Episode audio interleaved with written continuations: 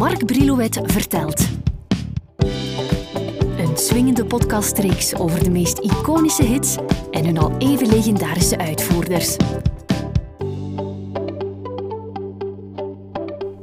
Aan alles komt een einde. Dat geldt ook in de muziekwereld.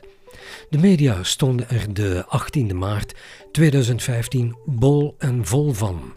Na jaren van speculatie houdt K3 ermee op.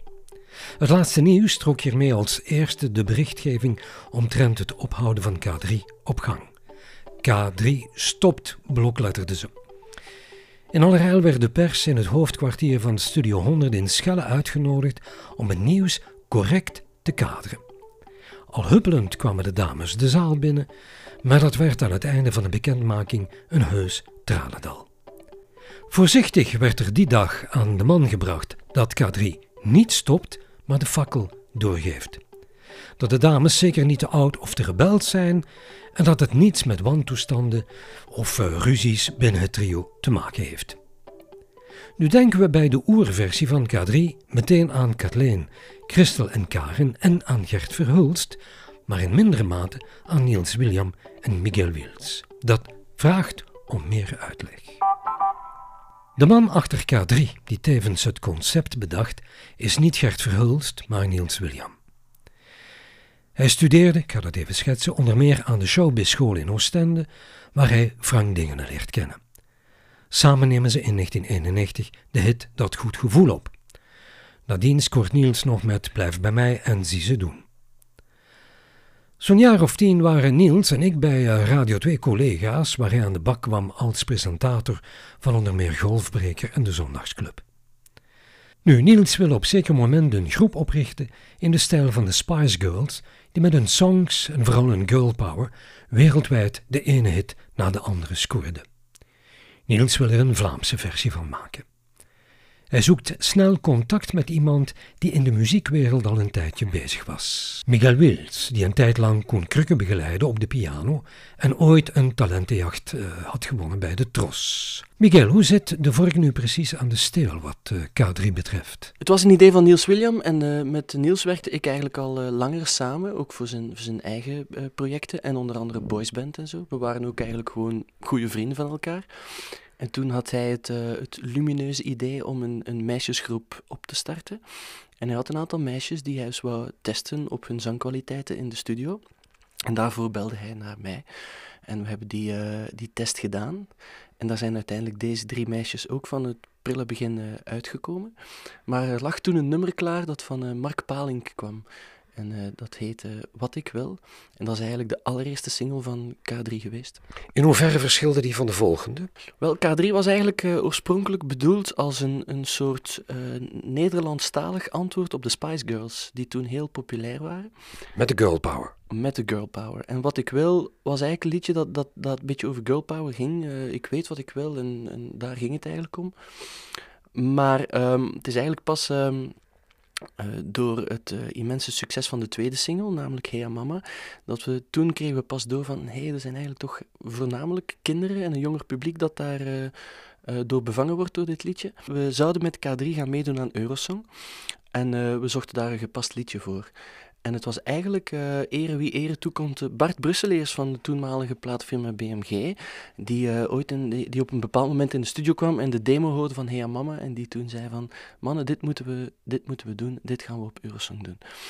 En um, ja, we hadden er eigenlijk allemaal eerst, want Hey Mama is eigenlijk op zich een beetje een raar liedje, omdat het eigenlijk geen tekst bevat in het refrein. Het was een beetje een ongewoon liedje in die tijd ook.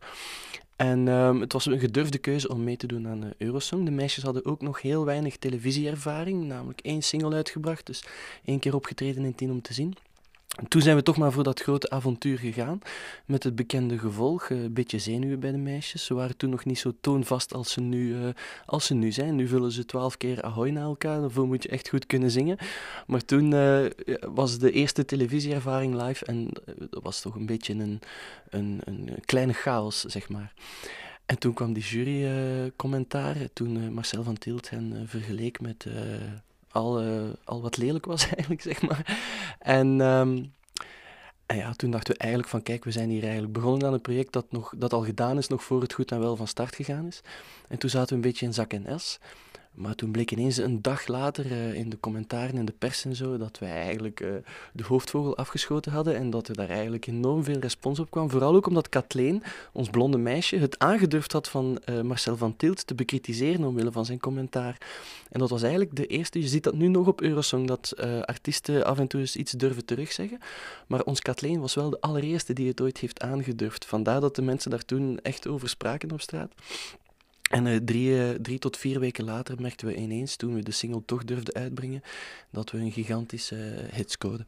Je praat voortdurend over we, K3 uiteraard, Peter Gillis en Alain van de Putten. Peter Gillis en Alain van de Putten zijn twee mensen die al veel langer en al veel meer sporen verdiend hebben in de muziek dan ik, want zij zijn, de Top Studio is eigenlijk een vrij gerenommeerde studio hier in Gent en die is eigendom van Peter Gillis. Ze hebben, Peter Gillis en Alain van de Putten werken al sinds mensenheugenis samen, al lang voor ik geboren was, denk ik. Nee, dat is overdreven, maar toch al heel lang. En zij hebben samen echt heel veel projecten gedaan, onder andere de solo-projecten van Alain allemaal, River Blue, ehm, maar ook de Dinky Toys, uh, Isabel A. Dus er, is een heel grote geschiedenis die aan mijn twee compagnons uh, vooraf gaat. En in 1996 ben ik hier eigenlijk eerder toevallig uh, binnengerold. En uh, ik, ik, deed hier één projectje en dat klikte nogal goed met die twee mannen en ik ben hier blijven plakken. Dus Hey Mama werd toch een succes. Ga je dan meteen nadien uh, zeggen van uh, pas op jongens, dat jongere publiek in plaats van die meiden van in de twintig, die reageren erg en de oma's en de opa's, Ga je dan een profiel uittekenen en welk was dat dan? Weet je, als je muziek maakt, het, het gaat nog altijd om, om de inspiratie die je voelt en om hetgeen uit je hart komt. Dus je kan niet beredeneerd liedjes gaan schrijven. Dat lukt in elk geval ons niet. Wij schrijven nog altijd, altijd vanuit onze buik. Maar we hebben bij K3 inderdaad toch wel gemerkt na die Hea Mama dat, dat uh, die eerste uh, single enorm aansloeg bij een heel groot kinderpubliek. En toen hebben we inderdaad toch geprobeerd van het ietsje bij te sturen en gezegd van kijk, laat ons nu eens uh, een soort muziek gaan schrijven die echt naar die kids toe gericht is. En ik denk dat we toen ergens een, een nieuwe stijl uitgevonden hebben, namelijk de kinderpop. En um, daar hebben we ons altijd wel zeer bewust proberen aan houden. Dus namelijk popmuziek, geen kinderliedjes, maar echt popmuziek, maar naar kids toegericht. Maar kids bestonden al in Nederland, hè? kinderen voor kinderen. Dat was braver dan was wel iets braver. Ik vond dat wij uh, toen toch iets gedurfder en iets cooler in onze producties en in onze arrangementen waren. En in die zin dan toch iets hipper waren dan, dan het, het zeg maar, uh, overigens met alle respect, maar het melige van kinderen voor kinderen, dat, dat, dat toch eigenlijk heel uh, kinderlijk ehm, geprofileerd werd ook en zo. Wij hadden ineens een coole meidengroep, maar met kinderpopmuziek. Hey Mama heb ik geschreven uh, bij mij thuis in, uh, in uh, een klein kamertje met muziekkot, zoals ik het zelf heet. En um, eh, het was op een dag, uh, het was warm buiten en ik zat binnen en ik had zin om, uh, om eens een, een soort reggae, uh, uptempo, zomerse melodietje te maken. En zo, ho hoe wij altijd werken is, ik schrijf thuis mijn melodieën en dan stuur ik meestal de melodieën door naar Alain van de Putten, die daar dan een heel leuke tekst op verzint. En dat werkt bij K3 al jarenlang perfect. Ik kan mij nog heel goed uh, die eerste zin herinneren. Um, kijk eens naar buiten waar de vogeltjes fluiten. La la la la la. En zo was ik het aan het inzingen. En op het refrein vond ik maar geen tekst. En uh, toen heb ik maar gewoon ingezongen. Hey ja, hey ja, mama nie. En ik stuurde het op naar Alain. Van Alain, ja, vind daar iets op, iets heel leuk. En Alain brak er zijn hoofd over en die kwam veertien dagen later bij mij. Ik heb nog altijd niks gevonden op dat refrein. Ik vind maar niks, ik vind maar niks dat tof is. Of dat leuker is dan hetgeen jij gedaan hebt. En toen hebben we eigenlijk gelukkig maar besloten, laat ons die nonsenstaal gewoon houden en het op deze manier uitbrengen. Nog zo'n hoogvlieger, nummer 4 in de top 50, de ultratop, en dat is heel wat. Jekke Jekke, weer zo'n zo'n rare titel. Daar haalde ik mijn inspiratie bij uh, Morikante, die Jekke Jekke, Jekke Jekke. En ik hoorde dat op een nacht, ik kwam van de opnames van de Notenclub, weet ik nog heel goed.